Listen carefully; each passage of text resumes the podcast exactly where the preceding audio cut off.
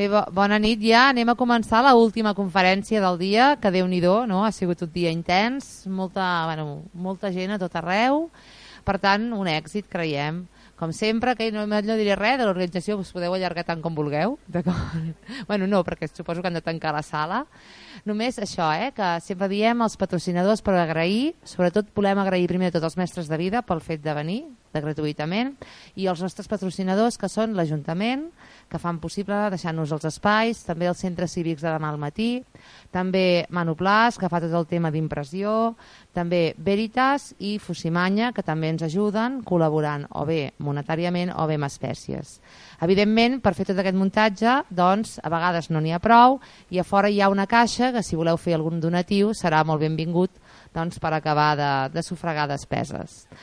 I us presento les últimes conferenciants, que són l'Anna Serra, i la, i la Roser. Germanes, és inconfusible, qui no es pot negar, i així. Bueno, us presento, us les presento perquè sempre demano a cada conferenciant com voleu que us presenti, i llavors cada conferenciant m'ho demana, i llavors està molt bé perquè elles m'ho han preparat, i això és que és fantàstic. Venen amb els deures fets i això és fantàstic. L'Anna Serra, que tinc al meu costat, psicopedagoga, formadora en educació conscient i creixement interior i terapeuta. I la Roser Serra, mestra integrativa, formadora en pedagogia Waldorf i l'art de la paraula i logopeda holística. Doncs us deixo amb la conferència. Molt bé, gràcies.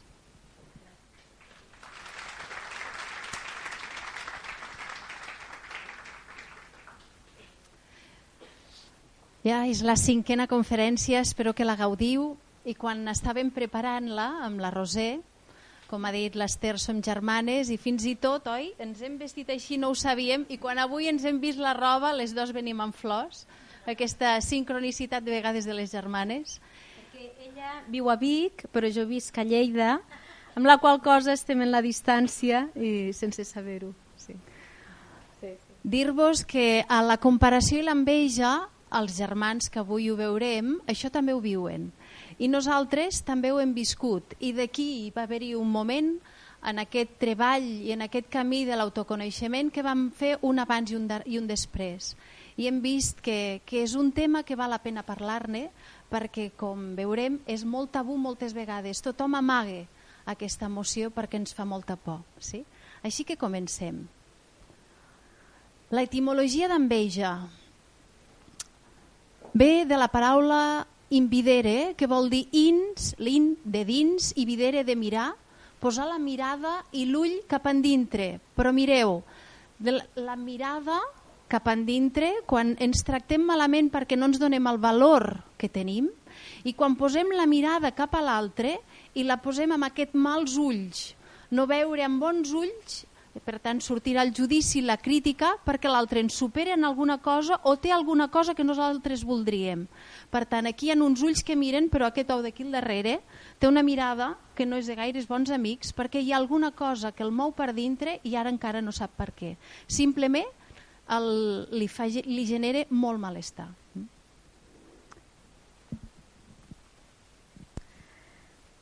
Poder veure i comprendre que l'enveja és una cosa, és un sentiment inherent a l'ésser humà. I que no per això és acceptar-ho i veure que no ens podem sentir culpables o malament perquè ho sentim, perquè forma part dels nostres processos, processos com a ésser humà i veure també que quan pots agafar, acceptar o veure que és inherent i que et dona l'oportunitat per transformar i per millorar-te a tu mateix, aquí és quan es genera un canvi des d'aquí uh, no sentir culpa, perquè quan nosaltres l'hem viscut, quan jo l'he viscut, és que eh, et sents malament per poder-ho viure i, um, ostres, que mala persona o um, et debilites, et, fa, et fas petita i aquí és, no, tranquils, és inherent i forma part i superar aquest procés és, un, és el nostre treball de vida, és un dels nostres treballs. Com veieu, hem triat aquesta imatge també del yin i el yang, és a dir, en nosaltres hi ha aquesta polaritat. A moments sentirem un gran amor per aquella persona i en un altre moment aquesta persona que tant estimem ens podrà despertar uns sentiments que voldríem soterrar a sota terra. No? L'enveja a través de què? Doncs del cos físic. Oi, talà, que guapa que va. i jo no. Mira quins pits té i els meus no. Mira quina talla fa servir i jo voldria la seva talla. Mira com té els cabells i no els meus. L'atractiu, mira com es mou, com la gent l'escolta, com la gent la mire, ella sí que té carisma, i quan veus tot això i et compares, et mors d'enveja. Intel·ligència. Uh, ella sempre té uns nous, ella o ell, treu excel·lents, li van molt bé les mates, a l'altre no li van bé, i aquesta comparació, ella o ell podrà ser alguna cosa important a la vida, aquest nen o aquesta nena, o jo del que em deien que arribaré a ser, hm? perquè em costen les matemàtiques, no llegeixo tan ràpid com un altre, els estudis, què podràs ser tu amb tot això, què veuen els altres que podràs ser tu amb tot això, i que veuen els altres que no podràs ser tu amb tot això. Nosaltres hem viscut que poder amb algú li deien tu arribaràs ben lluny i a l'altre ves per aquest camí que poder no tens tantes forces per arribar-hi. I ara pot semblar això, però aquesta persona, si se li dona la confiança, pot arribar més lluny del que ara ens pensem. No? Els diners, oi tal, quan deu de cobrar, si va amb aquest cotxe, igual arriba als 2.000, jo arribo als 1.500 o arribo als 1.200. Aquí també hi ha una comparació i una enveja. El sou, la feina, quin té més carisma, la feina doncs, si un és directiu, si l'altre no, si un treballa en una fàbrica, si un treballa en una escola, si l'altre té més eh, prestigi. Hm?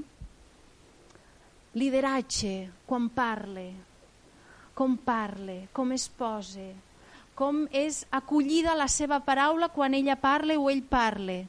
Tot això que tu de vegades dius alguna cosa i no ets escoltat, quan veus a l'altre com es posa davant de la gent, et pots tornar a morir d'enveja. L'estatus, tenim el cotxe, la casa, la posició social, jo voldria aquella casa, jo voldria tenir aquell cotxe, aquell rellotge. La família, Voldria haver nascut en una altra família, un altre poble, amb més glamour, amb més història, amb més pedigrí. Els fills, oita'ls els seus, han anat a la universitat i tot els hi va bé, i mira els meus, que no sé pas on anirem a parar. Amistats, jo voldria tenir tota aquesta gent més a prop, però no sé com accedir-hi, en canvi oita'l. Ell sí que hi pot anar. Quina enveja. I l'espiritualitat, aquesta persona deu de tenir un recorregut que em cau la bava, l'admiro, la poso aquí dalt i poder jo, amb tot el que porto, no vaig en lloc, no? Per tant, tots són motius per viure aquestes, aquesta comparació i aquesta enveja. Des d'aquí relacionat amb el que hem dit abans, no? que si és forma part del procés humà, el dir som dolents, no, uh, tranquil, és un mecanisme que sorgeix i que és fruit de les nostres inseguretats i de les nostres pors. Llavors, mmm, mirem-ho, mirem-ho, observem-ho i com deia el conferenciant, no? ser capaços d'observar i bueno, amb això hi entrarem més endavant, però és que ens estan dient aquestes inseguretats i aquestes pors. Ens estan avisant, ens estan dient alguna cosa d'una mancança nostra que necessitem eh, donar-li la volta. I alguna vegada heu sentit, us heu comparat? Alguna vegada heu sentit enveja? Enveja, aquella enveja dels exemples que donava ella, jo l'he sentit en el procés de germanes que hem tingut i, i quan vam veure aquesta imatge, perquè dèiem, com podem plasmar una imatge? Dius, ah, aquest, oh, no? aquests colors, aquest crit, perquè l'enveja ens desperta quan la vivim i toquem fons, ens desperta les profunditats, aquelles tan fosques que de vegades no voldríem tocar. I, i vam dir, és aquesta, el que, ens, el que d'alguna manera el, el que parla, el que transmet. I, i què es desperta allí? Ai, aquest menyspreu de Aquí el que és interessant és poder veure que quan nosaltres ens comparem i envegem, quan nosaltres envegem eh, és en l'altre que el critiquem i el judiquem i, i, i, i ostres, però aquell judici, aquell menyspreu que fem a l'altre, també ens el fem a nosaltres mateixos. Aquí és. Llavors, aquest menyspreu de... I l'altre, que també la poso, no? és um, quan nosaltres ens sentim així, que ens sentim amb ressentiment, amb comparació i entrem en aquest moment de menyspreu, també és aquest sentiment d'inferioritat. I quan sentim aquest sentiment, per poder-ho equilibrar en altres moments, necessitarem sentir-nos superiors. I aquí ens movem de vegades en un vaivent de, de menyspreu i superioritat quan podem. Es mou la ràbia i ara m'ha vingut no? una mare ahir deia és que el meu fill, quan estic amb el meu fill em diu, mare, però tu amb qui t'estimes més? A ell o a mi? Però jo vull que m'estimis a mi, és que jo no el vull amb ell. I quan els nens es diuen, és que l'odio, aquesta ràbia que surt de dins, que la poden verbalitzar els nens, que els nens tenen més facilitat per verbalitzar-la. I en l'adult això costa més de verbalitzar-ho. Però de vegades pot ser molt sanador ser capaç de poder expressar-ho. I el victimisme, en aquesta comparació, clar, el, el que deia el nostre company abans, no? clar, és que, clar, és que com que tinc el meu pare malalt, clar, jo no puc viatjar i clar, és que jo no puc fer això. I caiem en aquest paper de, de victimisme. Clar, és que ella és més intel·ligent, jo no puc estudiar. És que jo no ho podré fer mai, això. I són els rols en els que podem caure de menyspreu, de ràbia, de victimisme, aquesta amargor que ens, ens descriu molt bé aquesta imatge. El ressentiment, és que me'n recordo d'aquell dia que em vas dir Ah, arriba el trencament, val. Ah, l'enveja. L'enveja et genera molta tristor, és molta buidor. Hi ha aquells moments en què et sents trista, que no trobes, no trobes on anar, ni, ni, ni, ni saps qui ets. I et preguntes, però jo valc? Jo serveixo? Jo, quin sentit té tot plegat? Una tristor interior i un trencament interior que jo... Mira, ja, trencament interior Trencament perquè això que deia, perquè no saps qui ets, perquè sembla que et desfas per dintre d'alguna cosa que no està bé dintre teu i no saps per què vius tot això, de no, desconnexió perquè poses tota l'atenció a l'altre. Només mires a l'altre, mira com va, mira què fa, mira què ha dit, mira com es comporta, mira com el miren i et desconnectes de tu, només estàs pendent del de fora. Incapacitat, no et veus capaç de res, no me'n sortiré, no serveixo. Esgotament, perquè això també ho dèiem, sempre hi hauran motius perquè ara he fet això, perquè ara anem vestides igual, perquè ara anem vestides diferent, perquè ara et poses l'americana, perquè ara no te la poses, perquè ara et poses aquestes sabates. Doncs ara què pensaran? Qualsevol cosa pot donar motiu per alimentar aquest estat. Mira, mira, no, clar, l'ha convidat amb ella primer, i per què a mi no m'ha dit res? Perquè és la seva preferida? Doncs no hi ha dret.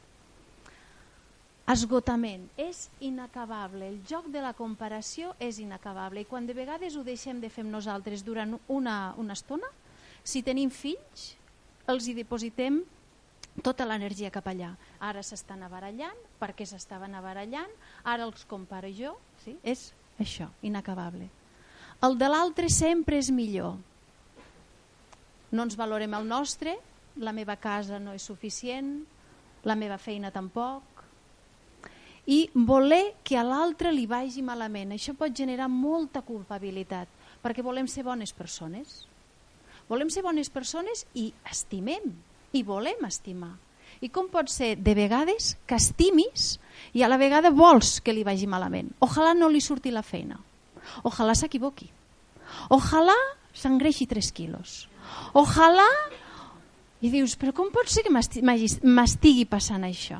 I ara us, us expliquem un conte. Que és el conte de la cuca de llum i de la serp. I diu així. Explica una faula que una vegada una serp va començar a perseguir una cuca de llum. Aquesta fugia molt ràpid i tenia molta por de la depredadora. Però la serp no pensava desistir en el seu intent d'aconseguir-la. La cuca de llum va poder fugir durant el primer dia, també durant el segon dia, però el tercer dia ja no tenia més forces. Aleshores la cuca de llum es va aturar i li va dir a la serp «Puc fer-te tres preguntes?» Diu, no acostumo a concedir desitjos a ningú, però com que et devoraré igualment, pots preguntar. Llavors la cuca de llum li va dir, pertanyo a la teva cadena alimentària? No, va contestar la serp. Jo t'he fet algun mal? No. Llavors, per què vols acabar amb mi? I la serp va contestar, perquè no suporto veure't brillar.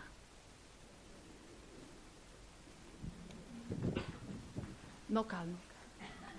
Però respireu-lo, respireu-lo.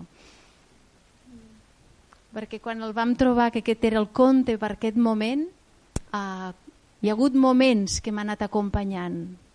Hi va haver de vegades aquesta imatge quan avui arribeu a casa, quan sortiu ara, demà, la setmana que ve, aquesta imatge, no suporto veure't bella. I en Xavier també deia, no? De vegades ens fa més por la llum que la foscor. I ara veurem per què també.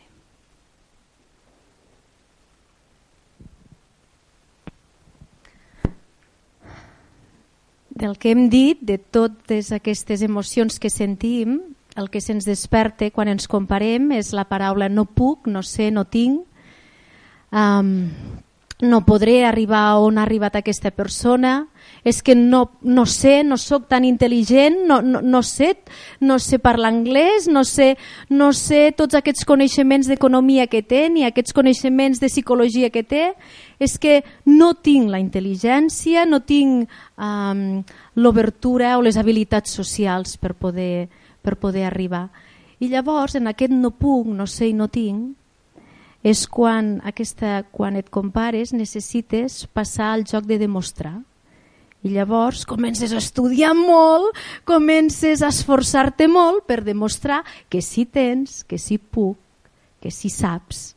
Sí? És, són aquests jocs que es mouen dins de la, de la comparació i la i l'enveja i l'enveja. Ha al darrere? Mireu, aquí tenim dos pomes, com dues pomes de Lleida o de Girona, i uh, una està contenta i feliç perquè alguna cosa de les que té ara mateix li ressona molt bé. I l'altra fa bona cara, però per darrere no està bé. Però la, ningú notarà, eh? ningú veurà. La màscara és d'una somriure. Què hi ha al darrere? Una necessitat no coberta. I aquí hi haurà un dels grans misteris, descobrir què necessito. Què necessito? Que ser més valorada? Ser més reconeguda? Uh, ser més considerada?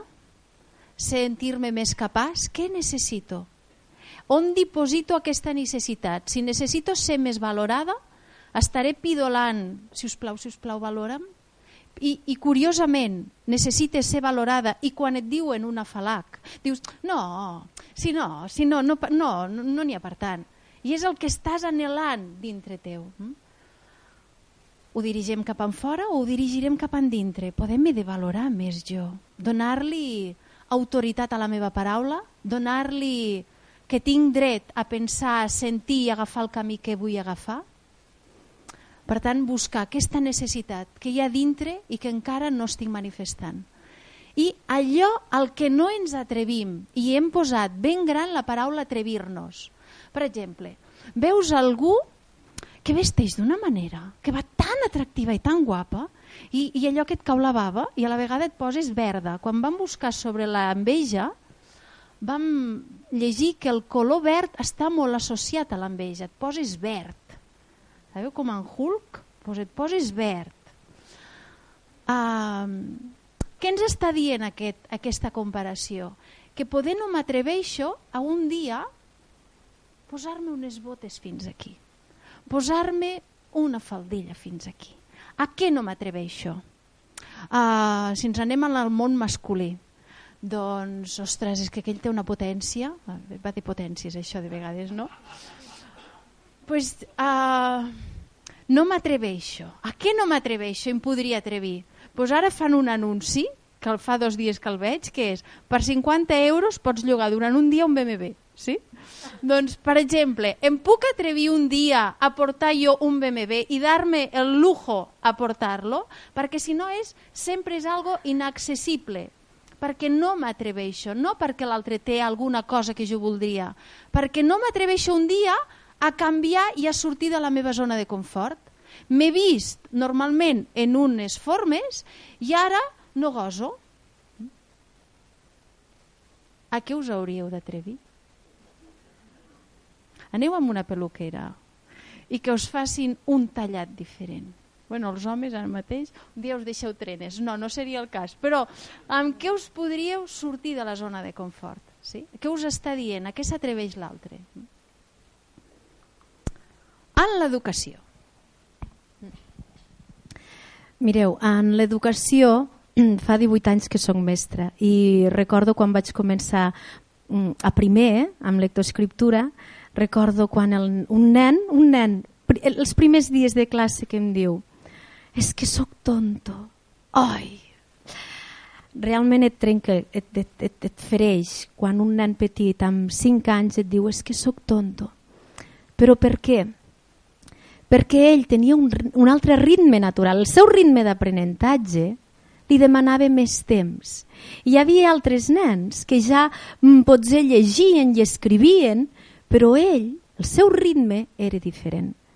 I mm, la pressió que nosaltres puguem posar des de l'escola o des dels pares, eh, ara actualment eh, també l'Elisabet, una nana preciosa, els seus pares estaven molt angoixats perquè no llegia i el, i el primer que li va venir el seu pare és és que a P5 no l'han accelerat en els processos. Si li, si li haguessin ensenyat abans les lletres, ara sabria llegir.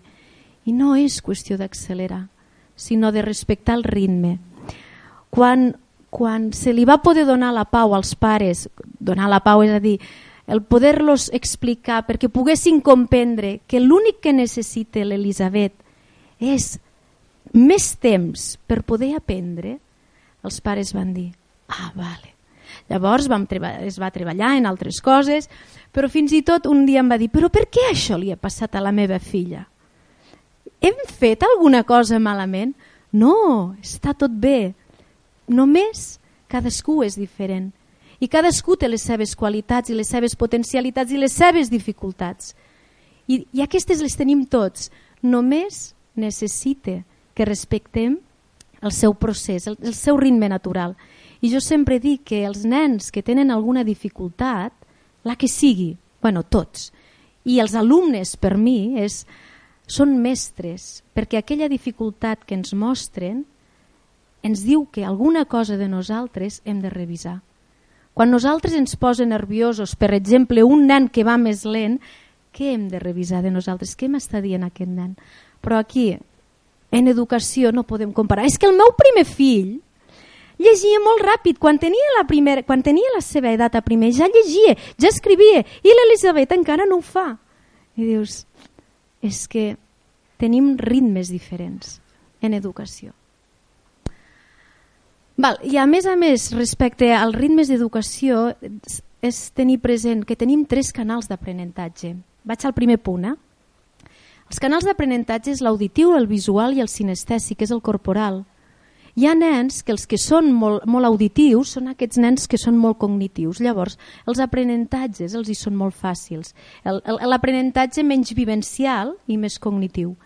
Però quan un nen és visual i és sinestèsic, necessita un altre tipus d'aprenentatge o enriquir aquell aprenentatge d'una altra manera. Llavors, acceptar-los tal i com són. Aquí dius, és que no es pot jutjar, no es pot comparar. Quan un nen té dificultats d'aprenentatge i li diem, o la mare diu, és que a ell li costa més, a ell li costarà més. És que ell no podrà estudiar un bub totes aquests, aquest, aquestes falques que li posen, aquests pensaments, això arriba al nen. I el nen s'acaba creient que no pot, que no sap i que no tindrà o no podrà aconseguir mai o arribar a una carrera. Llavors és no comparem, no jutgem i acceptem-los realment tal com són, perquè en qualsevol moment, si nosaltres els hi donem les dosis de fe i confiança en que ells poden i que només necessiten que els acompanyem, volaran, podran i donaran el millor d'ells, però no debilitant-los, sinó donant-los tota la força i llavors capacitar-los. Sempre recordo que vaig mm, capacitar-los, el dir sí pots. Um, una vegada em vaig entrevistar amb una senyora, amb una mestra, una mestra que havia fet una llarga trajectòria i el primer que em va dir va ser mira, si t'he de dir una cosa de l'educació i dels nens és el que pugui fer un nen que no ho faci un adult. Quantes vegades per voler ajudar el nen, per, per ajudar, se li, se li fan les coses. O, o per de pressa, perquè van de pressa ja et poso jo la jaqueta ja et poso jo els, els leotardos o, la, o el jersei o, o vols pujar, ja t'ajudo jo a pujar a l'arbre o a pujar al em surt el columpio o, o, o al gronxador o al tobogan ja t'ajudo, no, no ajudem. Quan el nen estigui preparat per, per pujar al tobogan pujarà per ell mateix. I quan un nen aconsegueix el que sigui, tallar una pastanaga, ell sol, quan ell aconsegueix per ell mateix una cosa, allò són unes píldores d'autoestima que, que són vitals, que són molt importants. Fer amb el que ets ara. Aviam com era això. Avui hem anat a la conferència de la Gemma Raspall i parlava d'aquesta competitivitat de la matèria, que estem ara en aquesta dimensió, eh? molta matèria, molta competitivitat, i aquí en aquesta banda posa has de ser el millor. Has de ser el millor no és només dona el millor de tu mateix, sinó que has de ser el millor. El que tingui els gomets verds, els que tregui la millor nota... Si treus la millor nota, a l'estiu, o et comprarem una moto, això els adolescents, o bueno, ens n'anirem de vacances on tu diguis, has de ser el millor. I aquí és, fes amb el que ets, però amb el que ha dit la Roser, capacitant-los, perquè per sostenir que a moments l'altre brillarà més o brillarà d'una manera especial i poder allò tu et costa una mica més, eh, necessites tenir fortalesa, perquè si no, si no em sento capaç, em sentiré feble en moltes coses. Per tant, he d'estimar, acceptar i fer amb el que ara sóc, no més en l'educació un espai d'expressió, perquè moments eh, els germans vindran enfadats, hi haurà moltes lluites, com els adults també tenim aquestes lluites de poder, aviam qui té la raó, i els eh, germans tindran aquestes lluites, aquestes guerres, aquests pessics, aquestes empentes, com aquesta rivalitat es pot alimentar. I ahir la Roser m'explicava no? que uh, una mare es queixava dels seus dos fills de la rivalitat que s'arriben a tenir. I algo que potser s'hauria de revisar aquesta mare és si ella també té rivalitat amb la seva germana o amb els seus germans. Però perquè això és inherent, com hem dit abans, i forme part, a moments hi haurà aquest ai, per què a ell li has donat un tros més gran? Jo també en volia. Si l'adult diu, ai, no diguis tonteries, sempre estàs igual, aquest eh, censurar-lo no ajudarà però tampoc ajudarà aquesta intel·lectualitzar totes les emocions. Ai, pobre, ara deus de tenir enveja, oi? Clar, és que això... No, tampoc. Simplement una prova, una, una, poder ho plorarà, s'enfadarà, recollir-lo, és incòmodo, posar la paraula és incòmodo viure això, perquè jo també ho he viscut. És com donar aquest espai però també donar-me aquest espai. A moments fer una pataleta, de dir, jolín, no voldria. Com una nena petita. Però no passa res. Si ho puc fer i ho puc expressar, ho podré superar. I viure el reconeixement. Això també. Nosaltres dos teníem una tieta, el Salsiga, la tieta Roseta, que quan anàvem a casa seva, amb una li deia ai, que ets bonica, i llavors automàticament a l'altre li i tu també, eh? I tu també. Uh, aquest i tu també, i tu també, a moments quan n'hem parlat, dius, arriba a fer bastant mal, perquè acabes veient és com veure-li el llautó, que allò no acaba de ser real. No, és autèntic. No, és autèntic. En aquest cas ella era la gran i clar, li deia, que guapa que estàs. I llavors jo era la petita. Tu també, eh? I era, no m'ho diguis, si no... Potser ho pensa, però no ho necessito perquè no és real. Em vols com tapar una... Tens por de fer-me una ferida i dius, no, no la necessito, no em fas ferida, dis-li a ella, perquè llavors és, no és autèntic. Llavors hi ha aquesta, viure el reconeixement. Si un dia algú tornéssim una tieta i em digués que guapa, Anna, pues jo m'hauria de dir, ole jo, no? Dius, aviam, respirem això. Que guapa, Anna! Doncs sí, que guapa, Anna! I jo que pugui uh, sostenir que a moments hi ha gent que em troba guapa. I, i sostenir que a moments em poden considerar guapa i jo puc ser guapa. O qui diu guapa, intel·ligent, mil coses. Si jo puc viure, hi haurà un dia que li diran a la Roser «Ai, Roser, però que intel·ligent que és!» I direm Ole la rosa. Sí? És a dir, quan vagi per un, que hi vagi. I quan vagi per l'altre, encara que sigui la setmana que ve, que hi vagi. Quan vagi per ella, jo he de poder dir, uh, alegrar-me'n de la seva alegria i no entrar en competència, perquè aquesta tieta, sense voler-ho, entrava en, aquesta, en aquest joc. L'una ha d'anar amb l'altra. I és una va i l'altra també. I a moments amb autonomia. Bueno, això va sense micro, no? Per tant, la compensació forçada que no cal, oi? Igual, els fills igual. Això ho visc amb l'Arnau.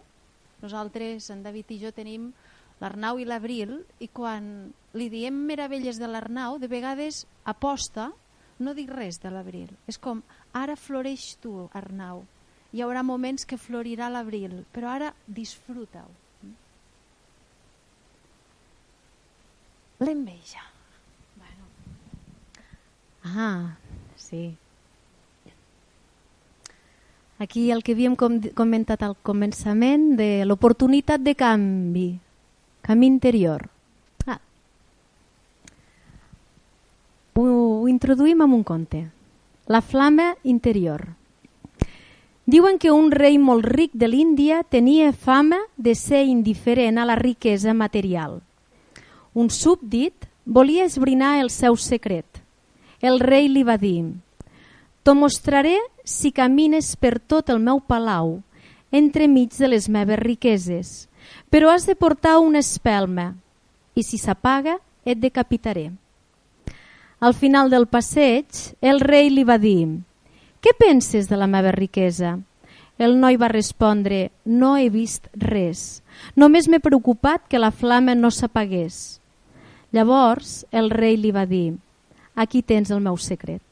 Estic tan ocupat alimentant la meva flama interior que no estic interessat en les riqueses de fora». Com diria l'Anna, respirem-ho. Mm? I sí, passa. Mira. Per què? Perquè aquest també forma part del camí. Nosaltres hem dit no? que aquest tema ha sorgit d'un procés que nosaltres hem viscut.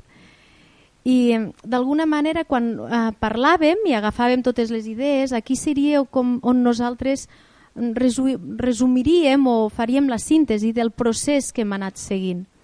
Llavors era primer de tot comprendre que forma part, que, que, que forma part i que ens acompanyarà tota la vida i que està amb nosaltres. I que és humà, que és un procés. Poder-la viure, poder-la observar i arribar a acceptar això, que estarà amb nosaltres. I, i a partir d'aquí és quan dius, val, això existeix, això està, i ara volem canviar-ho. Perquè això, quan jo ho visc, em genera el que hem vist en aquell quadre.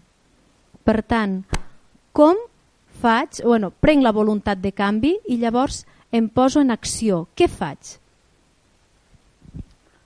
Està obert, obert a eines. Avui, per exemple, tots vosaltres, si esteu aquí, és perquè a moments us haureu comparat, com tots de la humanitat, però heu volgut uh, saber una mica més com donar-li la volta a tot això.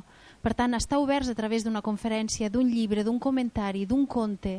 Està oberts a que t'arribin eines. Mm? Una altra cosa que vam viure és expressar coses molt profundes, incòmodes, doloroses, però ens les vam dir. Vam anar a, a un lloc un cap de setmana i, teni, i parlàvem mitja hora cada una. Mitja hora ella i jo callava i jo m'anotava. Val a dir que aquest, aquest treball que vam fer no va ser nostre inventat, sinó que vam tenir la sort de trobar un, una mestra que davant de la situació va dir molt bé, doncs poseu-vos en acció, jo us dono aquestes consignes i endavant, a veure què passa. Però que un requisit és això, expressar, poder-se dir, poder dir, poder treure cap a fora tot allò que ha, que ha generat quistes, que ha generat amargor, que ha generat acidesa. I això, mitja hora cada una. Quan ella parlava, jo havia d'estar callada i m'anava anotant amb una llibreta. Llavors em tocava a mi. Però així vam estar 48 hores i dos dies. I a les 3 de la matinada també. Quan estàs mig grogui, també vam fer aquest exercici. Mitja hora una, mitja hora l'altra. Poder expressar poder expressar no només verbalment, també van passar corporalment. és a dir, dius, si t'hi poses, t'hi poses. I dius allò de sàcalo, perquè si no, a dintre queda i s'agria. No? Expressar pràctica, perquè la vida s'hi diu, si vols canviar-ho tranquil, que et donarem oportunitats perquè ho puguis canviar, i de vegades els motius s'intensifiquen. No minven, sinó que n'hi han més veus, comences a veure molts miralls d'aquest com la serp, que no suportes veure brillar, que comences a veure que no, que tot i que meditis, tot i que vagis a cursos de creixement personal, et continuen creant enveja certes persones i situacions. Forme part. Practica. Practica el connectar-te i aquesta fortalesa de dir això ho puc sostenir. I aquest què m'està dient? Ella us parlava d'unes famílies, jo també me'n ve una al, a la ment. Uh, aquest pare és com molt intel·ligent. I quan parle és molt culte, però culte diu lo siguiente. Sabeu lo siguiente? Quan parle el seu vocabulari és molt, molt, molt refinat. Mm? De vegades tan refinat que quan parle de vegades no l'entén ella, perquè utilitza vocabulari que poques vegades se sent al català. Mm? I què li ha passat? Doncs que el seu fill li costa molt aprendre. Ara, que està 10 anys, li han, li han diagnosticat dislèxia. I està enfadat, està frustrat i moltes vegades compara el fill gran que té 10 anys amb el seu segon fill que té 8 anys i de vegades ha dit és que el petit l'avançarà i el passarà al davant aquesta frustració d'aquest pare de que poder de vegades no entén amb lo intel·ligent que és com li ha tocat una criatura així, diu què he fet jo per mereixer un fill així, o d'on poder ha sortit perquè li passi tot això, és que m'està dient que uh, admire tot allò que es culte, però com abans ha dit ella, tot allò que es posa per sobre hi ha algo que es posa per sota. Per tant, en el fons poder aquest senyor té molta por a ser inculte si no, no hauria d'anar demostrant aquesta sutilesa de vocabulari en tot moment. I qui l'ajuda a baixar a terra? El seu fill. No us ha passat mai que aneu ràpid i se us posa el camió a davant? Tu vols anar més ràpid i algo et frene? Tu vols anar amb molta intel·ligència pel món i aquí, en aquest, en aquest cas, el fill et posa el freno de mà. Tu vols passar desapercebut? Doncs la teva filla adolescent anirà amb botes i maquillada per tot arreu.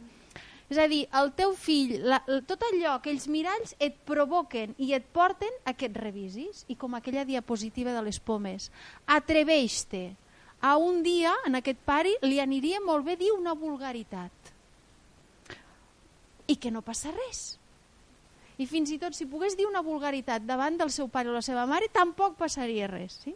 Continuaria sent tan ben vist i tan estimat i tan valorat perquè hauria de partir del cor, no pel que has aconseguit.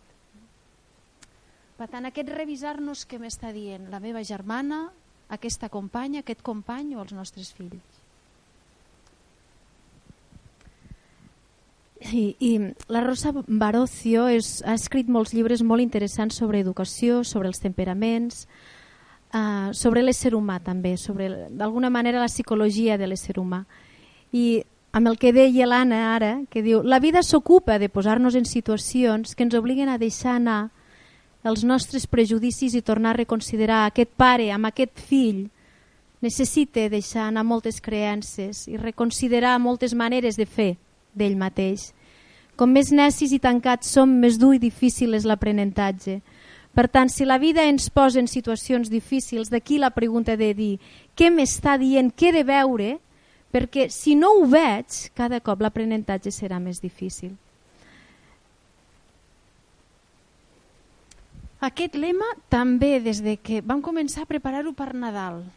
Aquest lema de, del competir al compartir o del competir al construir és, són com frases curtes, molt sintètiques, però aquí hi ha molt. Durant aquests mesos, o sigui, dos, de tant en quan em ve aquesta frase. Us convido a que si us ressona us l'emporteu.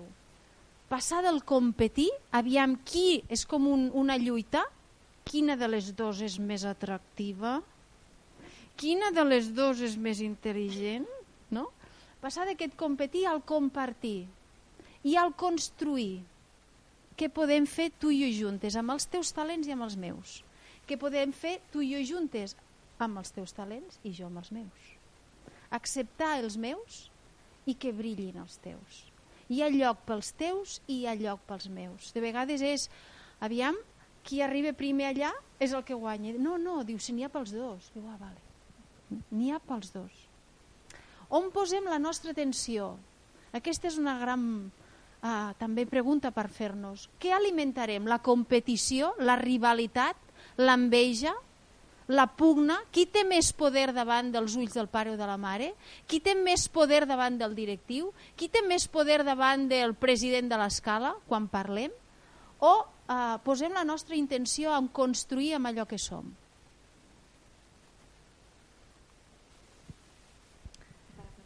Sí, aquesta és per acabar.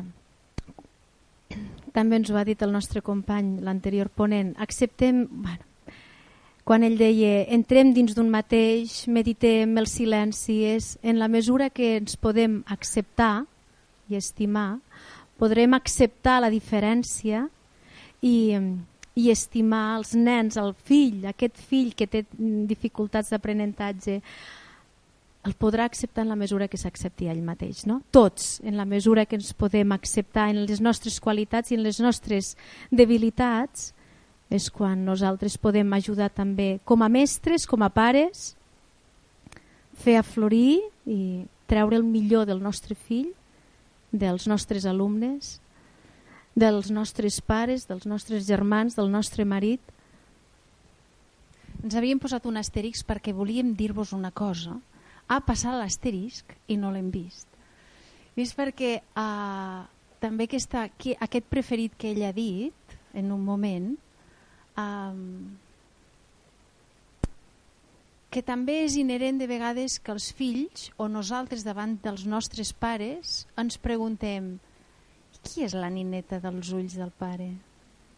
I qui és la nineta dels ulls de la mare? I jo en quin rànquing estic? No? el, un dia l'Arnau em va preguntar eh, què sóc el teu fill preferit? Va ser molt fàcil dir-li que sí, perquè ella és la meva filla preferida. Però si fossin dos nenes o dos nens, eh, què sóc el teu fill preferit? És una necessitat humana preguntar-ho. I dius, i ara què et dic? si l'altre també és un bailet, no? Uh, aquest, aquest amor incondicional serà més fàcil dir t'estimo tu i a l'altre també, quan ens anem preguntant i anem desvetllant el que m'estàs dient. Perquè si no, quan preparàvem aquesta conferència i parlàvem del fill preferit, moltes vegades tens una sintonia més propera amb aquell que t'és més fàcil com a fill. I amb el que et posa més reptes, si estàs tancat a veure què t'estàs dient, el tindràs com creuat. Llavors, clar, què és el que prefereixes? Aquell fill no, que aquell t'ho posa més fàcil en segons què. Però, en canvi, si et poses en mode actiu cap a tot, ja no tens fill preferit. Fins i tot agraeixes tant que aquest t'hagi fet despertar que dius tu m'ho poses molt fàcil en molts moments i t'estimo. però tu m'has ajudat a transformar tantes coses perquè he decidit canviar que t'estimo molt. Llavors és quan dius fins a l'infinit, perquè et sents profundament agraït pel que t'han portat els teus fills. O qui diu els alumnes, o diu la companya, o qui sigui. Pues tot això, què tal?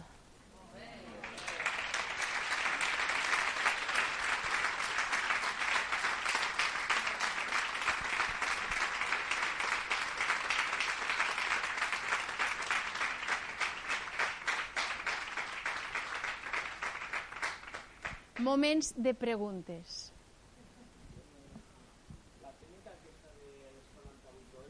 Sí.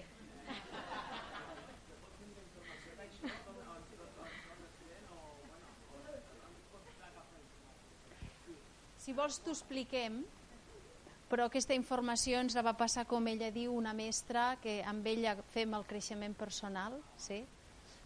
Uh, però això, vam anar al monestir de pedra, envoltades d'aigua, que diu que les, les aigües es remouen les emocions, i allà va ser des del matí del dissabte, tot el dissabte i tot el diumenge. Hi ha un procés, el procés és ben simple, mitja hora cada un. Soles, soles, amb qui tinguis que lidiar i amb la que et vulguis expressar i sincerar, és mitja hora per cap. I quan un parle, l'altre escolte i no diu res. Hi ha moments de silenci, no passa res. I hi ha moments de tot. Va, va ser molt bo, ja posats, perquè jo em pensava que ja havia dit moltes coses, sabeu, el primer dia. el micròfon. El dissabte jo em pensava que li havia dit, vamos, de tot. Li havia demanat perdó, m'havia fadat amb ella, totes les espines, i va la nit allà a les dues, sabeu, allà a les dues, a les tres, i em diu, primer parlo jo, la germana gran, llavors ella, però hi teu-la ella, va i diu, abans d'anar a dormir, perquè després ja no hi havia respondòria, i, i diu, si el dia de demà torna a ser com el dia d'avui, no haurem fet res. I penseu... Llavors, Com pot ser? van començar a escalfar els motors, eh, allí va començar a bullir l'aigua i a partir d'allí ja ens vam aixecar a les 7 del matí i allò va ser... El que no havíem fet el dia anterior, el diumenge ho vam rematar. Vull dir, allí tot, tot, ho vam desplegar tot. No. Allí és nosaltres. Però sí que estàvem d'alguna manera en un lloc com a veure, quan dic la paraula sagrada em refereixo a un lloc amb una energia, sí? I l'aigua de la mateixa manera que hem dit que remou també ajuda a alliberar. Llavors ens van portar a un lloc que, que ens podia, el lloc en si, la natura, ens podia acompanyar positivament. Però el lloc ajuda, però si un vol, pot. La qüestió És voler. el tercer pas, el voler el canvi. Sí. Dius, va, posem la carn a l'assador i que surti el que hagi de sortir i li retreus fins i tot aquell dia la de la xocolatina del 3 de març del 70, saps? No havíem nascut, però no, No. passa res. D'allà darrere. El tema està en què uh, quan t'allibera, el, el, poder, el, el parlar, l'expressar, el, el que fa mal és, és lo que hace daño és lo no dicho. Això és el que fa mal.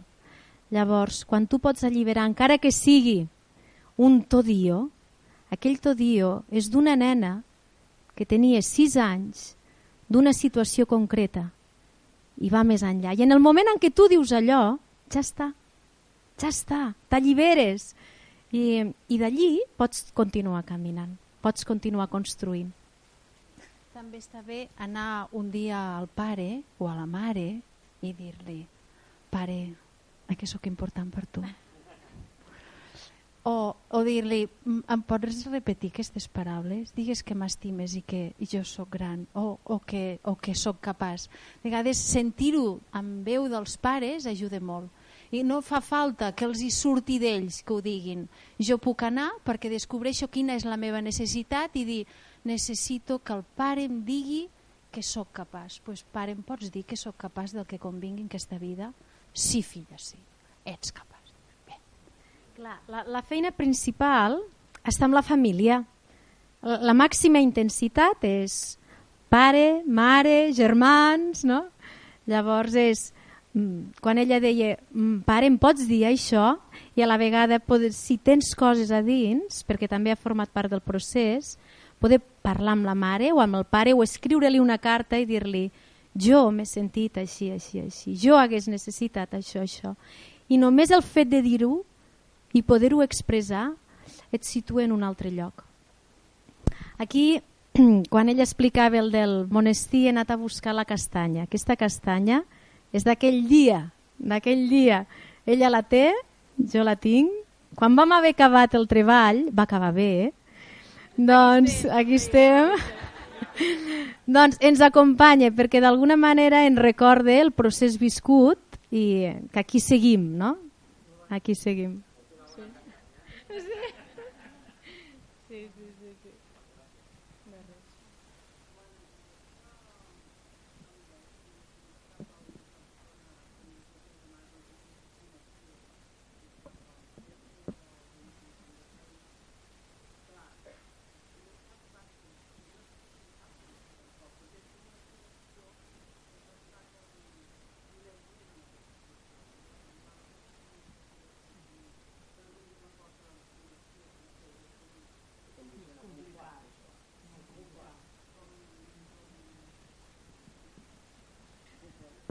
De vegades l'estimació, dius, hi fa molt, o no, perquè hi ha molts germans que un està aquí i l'altre està allà.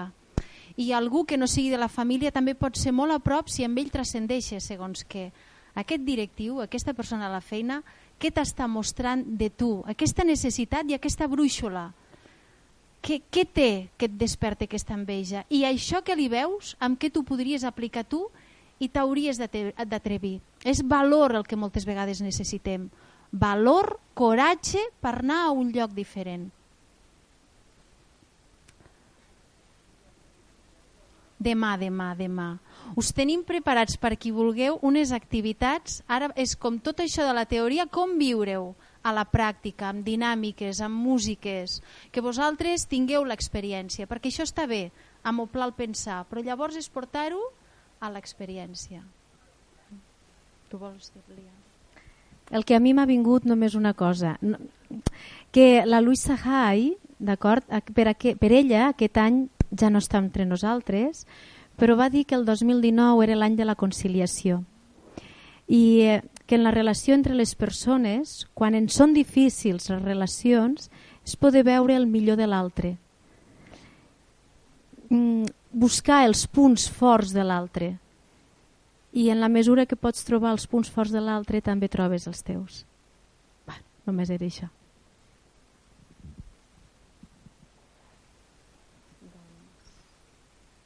Doncs hem arribat al final de l'Àgora Vic! Uh!